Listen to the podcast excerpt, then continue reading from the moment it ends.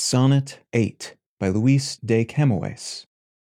Mondego, thou whose waters cold and clear gird those green banks where fancy fain would stay, fondly to muse on that departed day when hope was kind and friendship seemed sincere, ere I had purchased knowledge with a tear. Mondego, though I bend my pilgrim way to other shores where other fountains stray and other rivers roll their proud career, still nor shall time, nor grief, nor stars severe, nor widening distance ever prevail in aught to make thee less to this sad bosom dear. And memory oft, by old affection taught, shall lightly speed upon the plumes of thought to bathe amongst thy waters cold and clear.